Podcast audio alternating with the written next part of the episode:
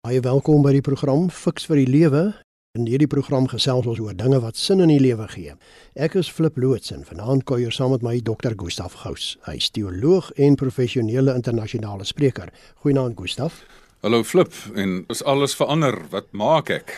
Ja, ons gaan 'n bietjie hieroor gesels vanaand. Jy is luisteraars natuurlik welkom om jou opinie ook oor die onderwerp te gee. Jy kan ons SMS nommer gebruik 45889. Onthou net die SMS se kos elkeen R1.50. En as jy op Facebook blaai, gaan jy ons kry onder die Fix vir die Lewe bladsy. Onthou dat die program nie aan jou as luisteraar voorskrifte gee van presies hoe om te lewe nie, maar riglyne waarbinne jy self keuses kan maak. Er is geen stem ook nie noodwendig saam met die opinie van enige persoon wat aan die program deelneem nie. Ons leef in 'n tyd van veranderinge. Plekke se name verander oornag, wetgewing bepaal wanneer ek binne of buite die huis mag wees, ou vriende sterf onverwags sonder dat ek by kan wees Ek is my werk en my werksplek kwyt. Kerkbyeenkomste en begrafnisse word beperk wat getalle aanbetref. Sommige hele klomp goed wat verander en fiks vir die lewe fokus vanaand hierop. Gustaf, ek het nou 'n hele klomp goed hier genoem. Hoe hanteer ek dit alles en hoe kry ek weer nuwe koers vorentoe?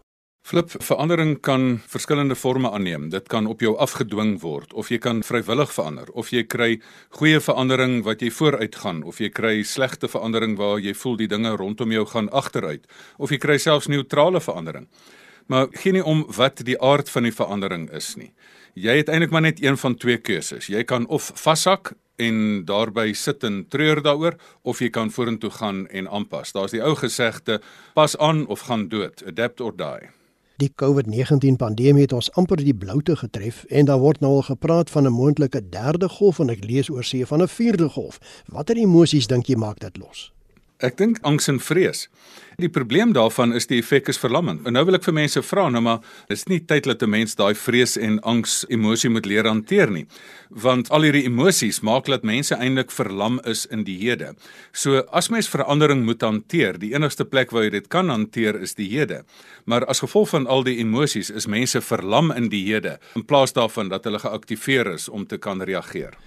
Wat nou van die mense wat aan hulle doppe gaan kruip omdat hulle onseker is en nie weet wat op hulle wag nie? Hoe kan hulle weer positief raak? Natuurlik het 'n mens een van twee reaksies. Onthou mense het 'n sekere hoeveelheid energie binne in jou en ek sien dit raak by mense dat party mense vat hulle energie en hulle rig dit na buite amper in aggressie. En dan trek ander mense energie op hulle self in die vorm van depressie. Hoekom mense dit doen is baie keer 'n raaisel. Ons weet dat in 'n tyd van onsekerheid dan wil mense of veg of vlug of vries. En baie keer vlug mense dan in hulle dop in. Maar wat ek dan vir sulke mense wil vra is wat gaan jy nou doen? Besef jy nie daar is lewe na enigiets nie?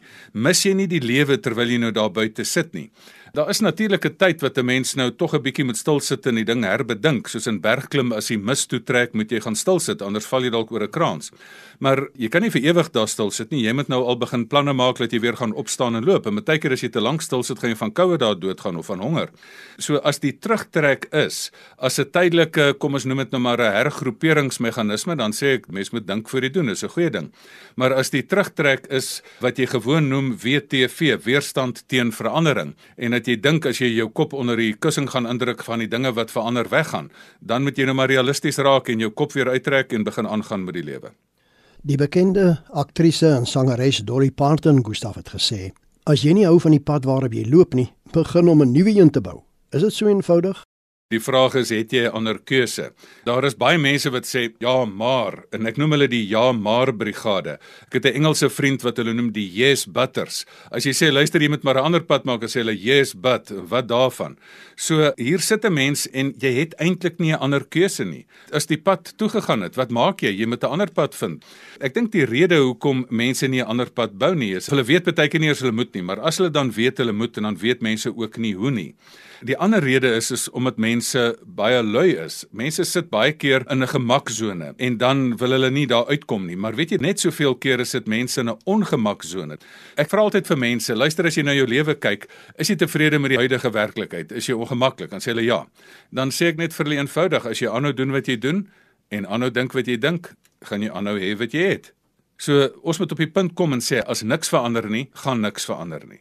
So Dolly Parton, nie dat sy die grootste filosoof op aarde was nie, maar minstens dink ek is sy reg in hierdie opsig. As jy nie hou van die pad waarop jy is nie, kry vir jou 'n nuwe een. En hoe hanteer 'n mens al die veranderinge waaraan jy blootgestel word? Nou flip, hierdie is die kern van waar ons vanaand praat. In die skole leer ons nie altyd hoe om verandering te hanteer nie. Dit behoort eintlik 'n skoolvak te wees. Maar in die skool van die lewe is dit amper een van die eerste dinge wat jy moet hanteer. En jy moet begin deur te verstaan dat verandering deel van die lewe is. Weet jy, ek vra baie keer vir mense en miskien kan almal wat luister vir hulle self die vraag antwoord. Dan vra ek, is verandering deel van die lewe? Ja of nee? En dan sê party mense, ja, ja, dit is deel van die lewe. Dan sê ek nee, nee, nee, dit is nie deel van die lewe nie. Dis meer radikaal as dit. Verandering is nie deel van die lewe nie. Verandering is lewe. Want as 'n boom ophou groei, dan sterf hy. As daar nie verandering kom van 'n papie na 'n vlinder toe nie, dan sterf die hele siklus. So, die eerste ding wat jy moet begin agterkom is die lewe is verandering. Raak gewoond daaraan kom in lyn met wat die werklikheid is. Dan as die lewe verandering is, ons moet nog dan leer om die proses te verstaan. Hoe werk dit dan? Want as dit verandering is, al is die hele lewe 'n gelou en 'n gekobaai seery, dan weet ons nie altyd hoe die proses werk nie. En daai proses is tweeledig. As die situasie rondom jou verander, transformasie, met ander woorde besighede transformeer, die politiek rondom jou transformeer. Na transformasie moet jy nog transisie doen. Met ander woorde jy moet dan die emosionele oorgang maak. Daar het al baie politieke transformasies plaasgevind. Die politieke transformasie is van die Transvaalse Republieke na die Unie van Suid-Afrika nie van die Unie na die Republiek van Suid-Afrika en dan na 94 na die demokratiese Suid-Afrika toe. En daar's party mense wat nog vashak by vier bedelings terug. Hulle is nog selfs in die Britse ryk. Die yskas magneet op hulle vrieskas is dan nog die Britse vlag, die Union Jack. So mens kan met jou voete in die nuwe situasie wees, maar jy het nooit die emosionele oorgang gemaak nie.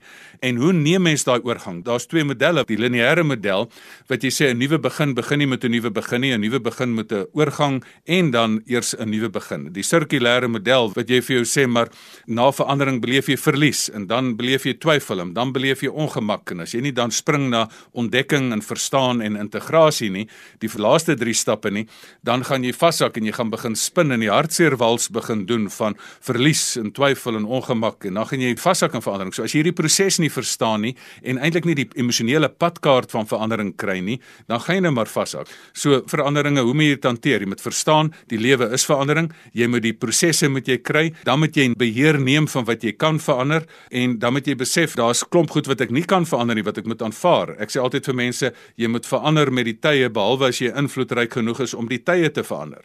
So dit is eintlik die drie prosesse. Verandering is lewe, verstaan die proses en neem beheer wat jy kan verander. En moenie gaan staan in karring oor goed wat jy nie kan verander nie. Dit is RSG met die program Fix vir die Lewe en ons gesels vanaand oor alles om my verander. Hoe hanteer ek dit? My gas is Dr. Gustaf Housen, ek is Flip Loots. En jy as luisteraar kan gerus jou mening oor die onderwerp vir ons deurgee. Gebruik die SMS nommer 45889. Onthou net elke SMS kos R1.50. Gustaf almal praat van die nuwe normaal hier in die pandemie tydperk en dan verwys hulle juis na al die veranderinge om ons. Is dit korrek of moet ons eerder praat van die abnormale en probeer terugkeer na die ou normaal? Ek het 'n ernstige probleem met die konsep van die nuwe normaal om die eenvoudige rede asof dit dan dit maak asof alles nou maar oukei okay is. Dit het so die klank van ag ja, alles is nou maar reg. In elke nuwe situasie is daar dinge wat eintlik substandaard is. So dit is subnormaal. Ek hou daarvan dat mense praat van die nuwe abnormaal. Dan is daar party goeters wat die nuwe normaal eintlik beter is. So elke verandering kan 'n verandering in die positiewe rigting of in die negatiewe rigting wees. Mense moenie na my toe kom en en sê luister dis nou maar die nuwe normaal. Dit is nou maar goed dat jy nie by kan wees as 'n geliefde sterf nie. Jy het dit in die begin ook genoem. Dit is totaal subnormaal. 'n persoon moet die geleentheid gegee word om die hand vas te hou van iemand wat sterf. Maar as jy self soos ek onlangs op die rand van die dood gestaan het en besef het die kans was daar dat 'n mens 'n vrou nie jou hand kon vashou daar in die laaste oomblik of dat jy nie daardie ondersteuning kon hê nie. As jy buite staan moet jy die reg gegee word byvoorbeeld soos op 'n slagveld om onder die koels in te hardloop al kan jy self doodgaan om by jou geliefde te staan. So mense moet daai keuse kry. Dit is gewoon die nuwe abnormaal en dit behoort nie so te wees nie. Dit is substandaard. Natuurlik is daar ook in die sogenaamde nuwe situasie beter dinge bereik. Ons het beter besigheidsprosesse ontwerp. Ons het agtergekom ons kan die verkeer van die paai afhaal dat helfte van die mense by die huis werk. Daar's positiewe ontwikkeling. Ons kan ons rykwyte verander met Zoom sessies dat jy nie net vir 10 mense iets aanbied nie, maar reg deur die wêreld 'n gehoor kan bereik.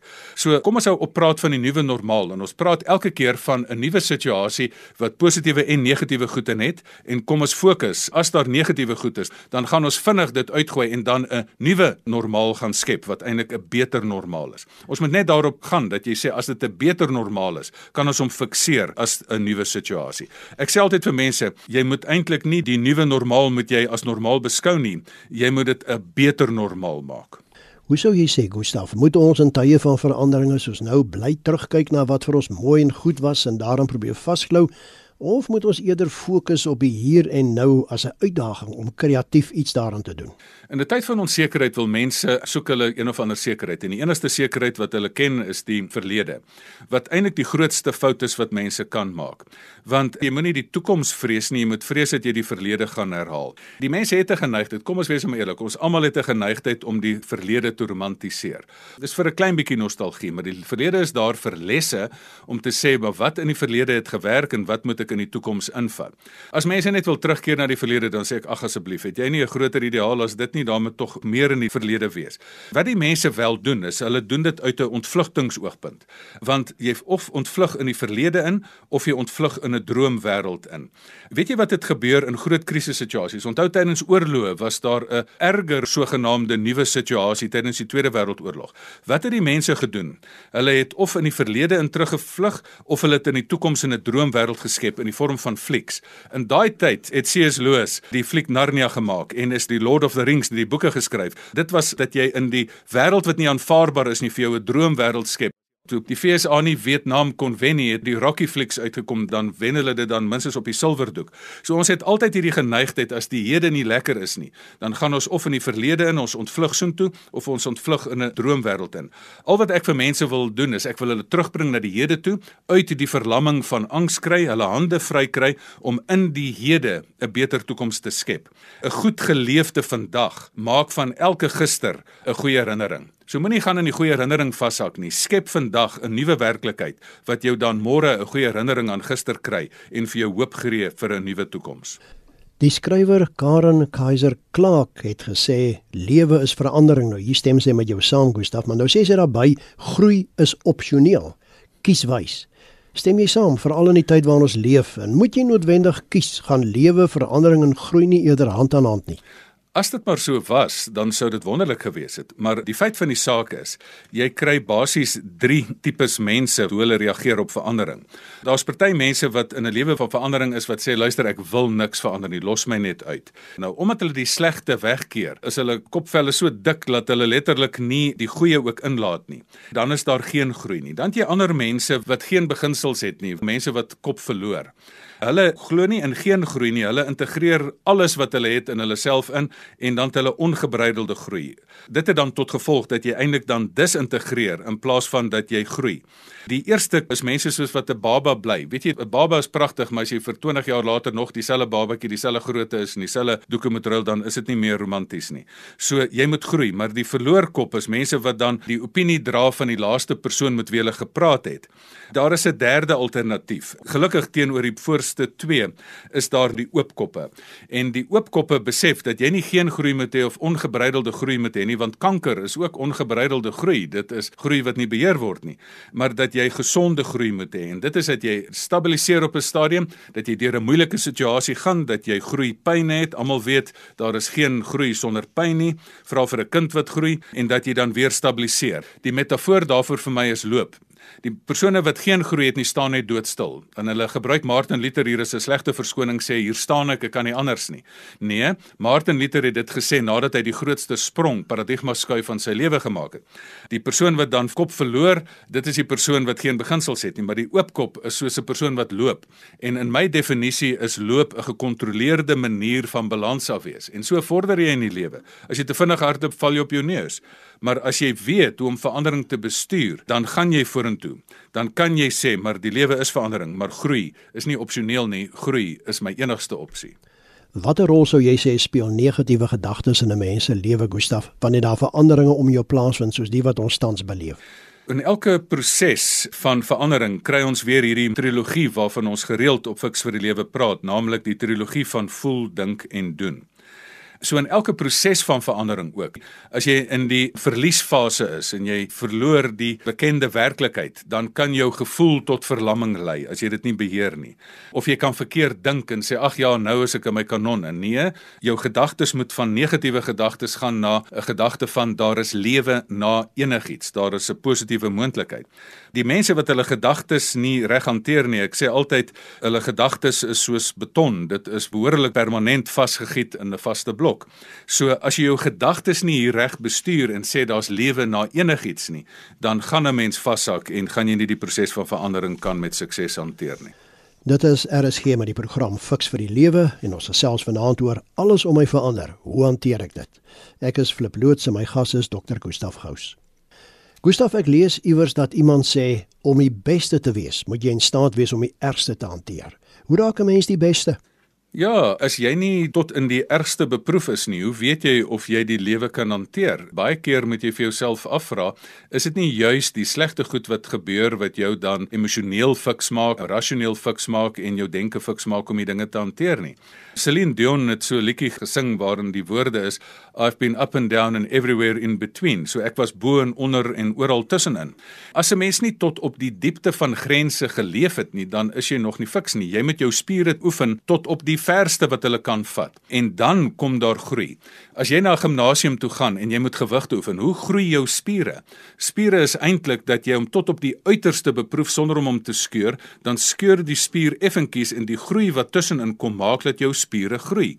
So as jy nie die diepste pyn beleef het of die ergste wydste tot op jou grense geleef het nie, dan kan jy nie groei beleef nie. Ek hou daarvan om 'n lewe te leef, wyd en diep en hoog en laag. In my persoonlike lewe het ek al die diepste pyn beleef in die hoogste ekstase en dit is in daai oomblikke wat jou van jou beste groei kom. Nie in die gewone ou tyd waar daar geen stimulasie is nie. Daar's baie miljonêers wat al bankrot gespeel het, maar dan leer hulle daaruit hoe om beter te doen. So ek hou van hierdie verhale van mense wat die slegste beleef het en dit leer hanteer het en dan weet hulle nou is ek ryp genoeg en nederig genoeg om ook die beste te hanteer. Dink jy mense sou kon sê dat al die veranderings om ons eerder gesien moet word as uitdagings as om dit te sien as meulstene om ons nekke? Ek vra altyd vir mense, hoekom skop mense so teen verandering? Want die lewe is verandering. En hoekom moet mense dit nou as 'n onmisbare ergernis sien? Want op die vraag van wat maak mense met verandering, sê hulle ag nee, dis net 'n ongemaklikheid. Weet jy, sonder daai ongemaklikheid is daar geen groei nie. So verandering is nie 'n aaklige ding nie. Verandering is nie 'n onmisbare ergernis nie. Verandering is nie deel van die lewe nie. Verandering is lewe. As jy weet daar is slegte verandering as dinge verkeerd loop, dan probeer jy iets daaraan doen. Dan probeer jy dit stop as jy dit nie kan stop nie of die sinne maar die dood van 'n geliefde kan stop nie, dan kom jy by 'n punt van dat as jy dit nie kan stop nie, dan moet 'n mens dit op 'n manier aanvaar. Maar ek wil selfs vir mense verder vra, hoekom moet ons net heeltyd reaktief oor verandering dink? As dit nou gebeur dat ek nou reageer daarop, hoekom kan ek nie verandering begin initieer nie? Hoekom kan ek nie net sê ek wil dit stop of wil dit aanvaar nie, maar hoekom kan ek dit nie stuur nie? So as verandering gebeur, dan stuur ek dit in 'n regte rigting en ek maak van 'n verleentheid 'n geleentheid. Die stuurgedeelte is dat as jy volgens die tipiese diskprofiel gaan wat mense hulle gedrag kan voorspel, 'n persoon in 'n slegte wêreld waar dinge sleg verander, dan wil die D-persoon wil beheer neem en dit beter maak. Die I-persoon wil mense inspireer in die tipiese diskprofiel. Die S-persoon wil tog stabiel hou wat stabiel gehou kan word en die C-persoon wil gaan sit in die tipiese diskprofiel wil dan net die klein bietjie bestuur wat binne jou beheer is. Maar ek wil verder gaan en sê dat 'n mens nie net 'n ding moet stop nie of dit aanvaar nie of dit stuur nie, maar jy moet dit selfs beplan en bestuur. En ek dink dit is die belangrike kant van verandering dat jy begin om verandering te initieer, dat jy nie net sit in reaktief wag vir verandering, maar jy dit beplan en instuur. Van my enigste hartseere in my lewe is is dat ek sekere veranderinge in my lewe nie vroeër gemaak het nie. Uit sekere verhoudinge nie vroeër uitgeklim het nie. Sekere besigheidsinisiatiewe nie vroeër proaktief nagejaag het nie. Ons moet baie keer beheer neem van die proses van verandering deur dit te initieer. Maar tot watter mate, Gustaf, moet my gesindheid eerder wees dat indien ek nie die omstandighede om my kan verander nie, soos nou hier in die pandemie blyk, dat ek die uitdaging aanvaar om myself te verander met nuwe doelwitte en nuwe sieninge oor sake. Sal dit 'n verandering in en om my bring? Weet jy, ek hou geweldig van hierdie ding want dit is vir my en ek het dit in die spreekkamer hierdie week weer gehoor van 'n persoon wat glad nie lekker toegesluit is nie en glad nie omstandighede maar gelukkig internet gehad het en soveel kursusse gedoen het en haar so bemagtig het deur 'n klomp goeters aanlyn te doen. Ek het dit baie keer vergelyk die pandemie met die boeke wat in die verlede geskryf is vir mense wat toegesluit is in tronke en dan nie omdat hulle slegte goed gedoen het nie maar omdat hulle politieke gevangenes was in Vietnam of in Noord-Afrika in die Tweede Wêreldoorlog. Daar het een van die sielkundiges wat hierdie proses bestudeer het, Dennis Whiteley, het hy die boek geskryf het gesê maar jy is nie 'n prisoner of war nie, jy's nie 'n krygsgevangene nie, jy het die sielkunde van wen, die psychology of winning. En een van die dinge daar was as jy dinge nie buite kan verander nie, dan verander jy dinge binne in jouself. Met ander woorde, as ek nie 'n ding buite kan verander nie, dan bou ek myself binne op. So jy kan stoom opbou. Al is jy toegesluit, kan jy nog steeds sekere vaardighede aanleer dat die oomblik as jy daar uitkom, dat jy bemagtig is en nie sit in hartseer wees omdat jy toegesluit is nie. So vir my is die baie interessante ding dat mense kan in 'n toegesluite situasie sit en planne maak. Kom ons wees nou maar eerlik. Almal van ons het 'n ou plan wat opgeskeur is. Die ou besigheidsplan is opgeskeur, die ou lewensplan plan is opgeskeur of die ou verhoudingsplan is opgeskeur. Dan moet jy gaan sit en dan sê maar voor ek 'n nuwe plan implementeer, moet ek eers die plan maak. Ek kom al meer agter my werk as lewensafrigter flip is dat ek in die nuwe plan besigheid is. Ek help mense om nuwe lewensplanne te maak dat jy 'n keuse het. Jy kan of sit by die asblik van 'n opgeskeurde plan of jy kan opstaan en 'n nuwe plan gaan maak. Ek vra baie keer vir mense, "Wat maak jy?" Sê jy lyk dan bietjie bedroef en sê ek, "Waar sit jy?" Nee, by die asblik. Wat se asblik? Die asblik van 'n opgeskeurde plan. Ek sê, "Ag nee man, nie so lank jy asblik sit nie, staan op, maak 'n nuwe plan. Kom ons gaan aan." En ek dink jy het eintlik geen ander keuse as dit nie. Gustav, kom ons vat saam. Daar sal seker nog baie veranderings om ons plaasvind, veral in hierdie pandemie tydperk. Hoe kan ons dit hanteer en hoe kan ons sterker aan die ander kant uitkom? Kort en kragtig, verloor jou vrees vir verandering. Verandering is nie deel van die lewe nie, verandering is lewe. Moenie net wag dat verandering oor jou kom nie, maar initieer ook verandering. Dan as jy besef maar verandering is deel van die lewe of is lewe, dan moet jy die proses van verandering begin bestuur vanaand is nie lank genoeg dat 'n mens die modelle van verandering kan vat nie, maar dan besef jy dat jy kan 'n meester word in die emosionele proses van verandering. Van elke transformasie wat plaasvind, is die eksterne verandering, maar jy kan emosioneel die proses deurwerk en nie agterraak nie. Dan moet jy die pad van pyn bereid wees om te loop, weet dat geen verandering kom sonder pyn nie, maar dan geniet jy ook die resultaat van groei as jy bereid was om die pyn nie te vermy nie en deur die pyn te gaan. Pyn word vermy as jy gaan vlug in die verlede in en romantiseer of vlug in drome in en in 'n droomwêreld skep wat jy nie jou hande in die hede vry het om iets nie te skep nie. Dan moet jy daai hande gebruik om inisiatief te neem en nie net reaktief die verandering te stuur nie wat oor jou gebeur nie, maar dat jy verandering bestuur en proaktief selfverandering initieer. En dan die laaste ding is wat jy moet doen is dat 'n mens daai ou waarheid vashou. Dat jy daai ou gebed bid, dat jy sê Here, help my om te aanvaar wat ek nie kan verander nie. Help my om die krag te kry om te verander wat ek kan en gee vir my die wysheid om die verskil te ken. Fokus op wat jy kan verander, aanvaar wat jy nie kan verander nie en glo my, dan gaan jy op 'n beter plek wees. Dan gaan jy nie vlug in die verlede in nie of in drome in nie, maar dan gaan jy jou hande vry hê om in die hede die toekoms te skep wat jy regmatig opgeregtig is. Dit dan al 'n finansie fiks vir die lewe. Baie dankie dat jy as luisteraar saamgekuier het en ook dankie aan my gas Dr. Gustaf Gous vir sy bydrae. Gustaf, indien van ons luisteraars verder met jou wil kommunikeer, hoe kan hulle dit doen? Ja, om hierdie proses te bestuur is miskien een van die belangrikste vaardighede wat jy kan kry. Kontak my by gustaf@gustafgous.co.za of kyk op my webwerf www.gustafgous.co.za of die Fix vir die Lewe bladsy. Vat jou selfoon, vat Facebook Fix vir die Lewe, tik dit daarin en kry die besonderhede daar. My kontakinligting flip by mediafocus.co.za. Onthou ook dat hierdie program op RSG se webwerf onder potgooi beskikbaar is 'n bietjie later in die week en dan kan jy weer daarna luister. Tot ons weer saam kuier volgende Sondag. Totsiens.